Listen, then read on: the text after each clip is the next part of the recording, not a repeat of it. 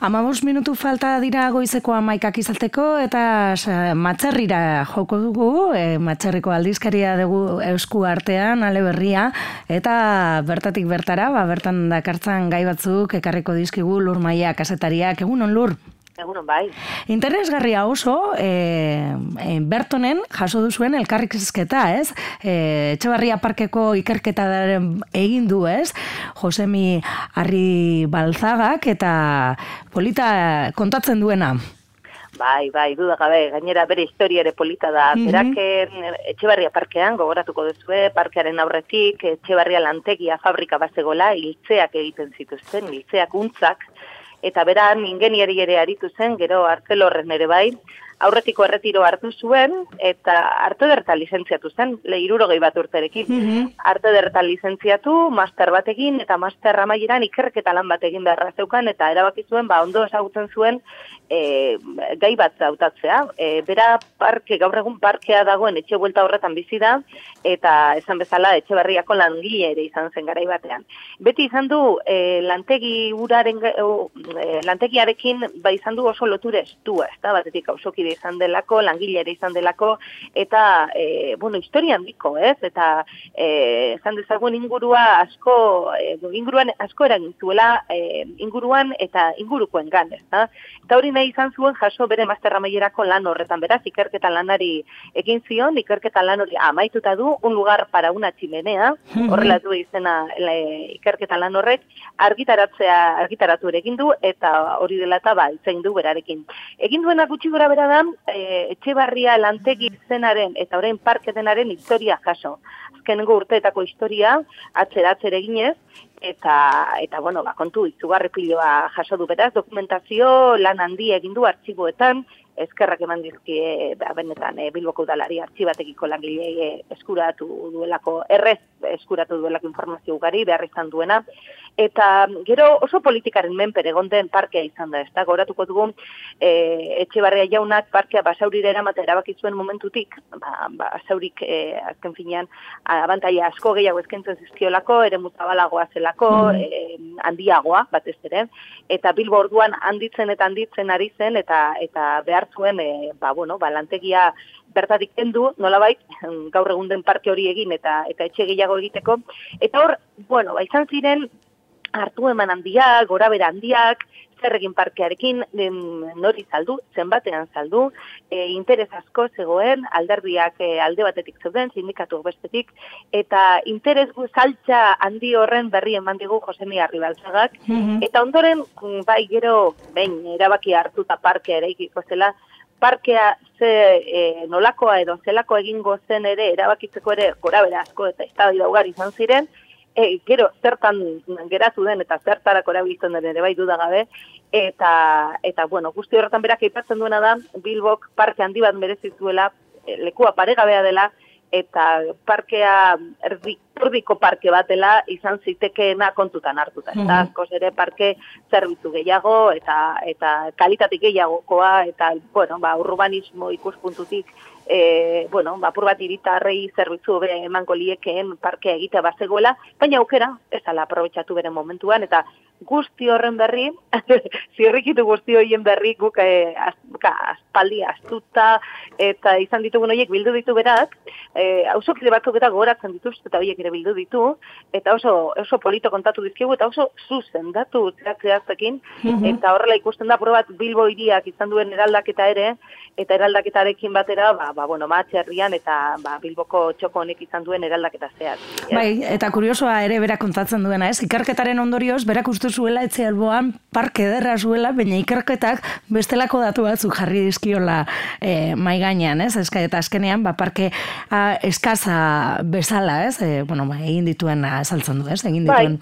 E, aipatzen duena da, tximinia hori da, izen hori izaten du, ez da, e, tximinia baterako lekua, edo barrakentzako lekua, e, hori zi aipatzen du, ez da, probat oso mugatuta dagoela, e, erabilpen zehatz bati, abuztuen ematen zaion erabilpen zehatz bati, eta eta beste aukera asko, ez direla aprobetxatu beste gauza asko egiteko parke horretan, ba, zergatik eta ba, kaso honetan ba, bustura begira egiten den e, erabilpen horregatik. Besteak beste.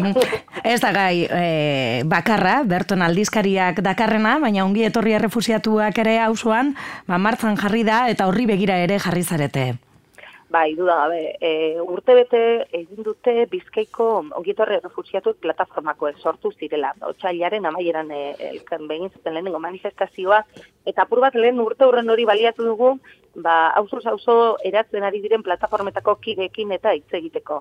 Urte honetako gora berak eta aipatu ditugu, esan bezala, e, bueno, ba, migratzaile jarraitu, jarraitu dutelako etortzen, ateak eta mugak itxi eta jarraitzen dutelako, Baina, galdetu diegu, ia bilbotarrek, ia jarrera aldaketarik izan duten, ia hasieran aipatzen ziguten nola, taldea, plataforma nola eratu zen apur bat, ba, inguruan, segun jarrera epel, otzori, e, airaldatu daian, ez da? Nahi zuten azte, trama handi bat e, gertatzen ari zela eta e, gutxienez erreakzionatu, protestatu eta sensibilizazio eta kontzientziazioa zabaldu. Eta horretan eman dute urtea, eta horretan konturatu dira gutxienez eragin bat izan dutela eta jendea mobilizatzera ere iritsi direla, eta beraz, ba, azkeneko urte hau ez da lalperkakoa izan, ezta? E, bai, aipatzen dutena orain e, kogoratuko dugu, Gernikako bombardaketan laro gegarren urte mm izango dela apirilean, eta momentu honetan plataformaren e, erronka, apirilean e, asteburu bateko e, ba, ekitaldi handi bat antolatzea dala elmuga, e, erronka handia dutela hor Gernikan, eta Bilboko auzoetan ari direla antolatzen talde txikiagoak eta ba Gernikako omenaldi horretara begira, ezta? Eh, oinez egingo da martxa bat, hori ere oso interesgarria da.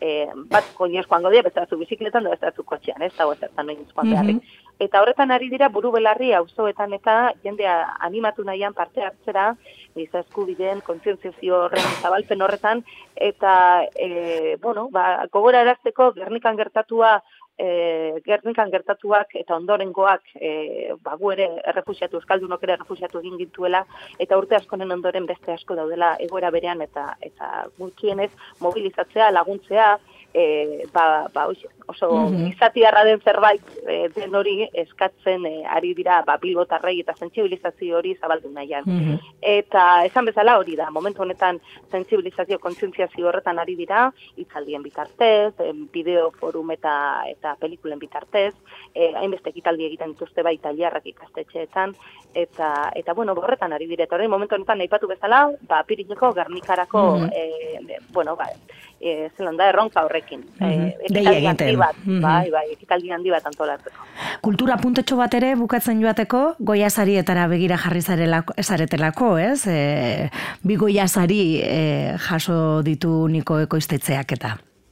Bai, hori da, jaso zituen, e, bai, otxailien uste dut izan zela, okerrespanago, otxailien amaiera aldera izan zen, e, animazioan enbi zari ematen dira, goia zariketan, eta biak eskuratu ditu uniko koiztetxeak e, kaso honetan, ez da, e, aurtengo partiketa horretan.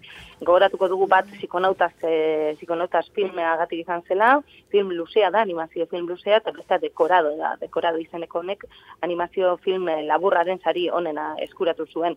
E, guzti atzean, bada, otxarkoako Inigo Gomez Fernandez, mm -hmm. uniko koiztetxeko kidea da bera, bere, bere kidearekin batera, eta animazioari buruz hitz egin digu, ez? E, bueno, sari buruz nola ez bai, sari ematen duten bultzada, eta ezagutza, eta, eta bueno, ba, aurrera begira ere, etorkizunera begira nola, ate asko ere zabaltzen dizkien proiektu berrietarako, e, esan bezala ez da lehenengo aurtengoan bi goia sari eskuratu ditu bat era zuzenago batean ekoiztetxeak eta besteak apur bat zeharka, e, ez da lehenengoa, orain urte batzuk ere eskuratuta eskuratu zutelako goia sari eta eta bueno, nominatuta hautagai izan direlako orain baino lehen ere beste aldiz.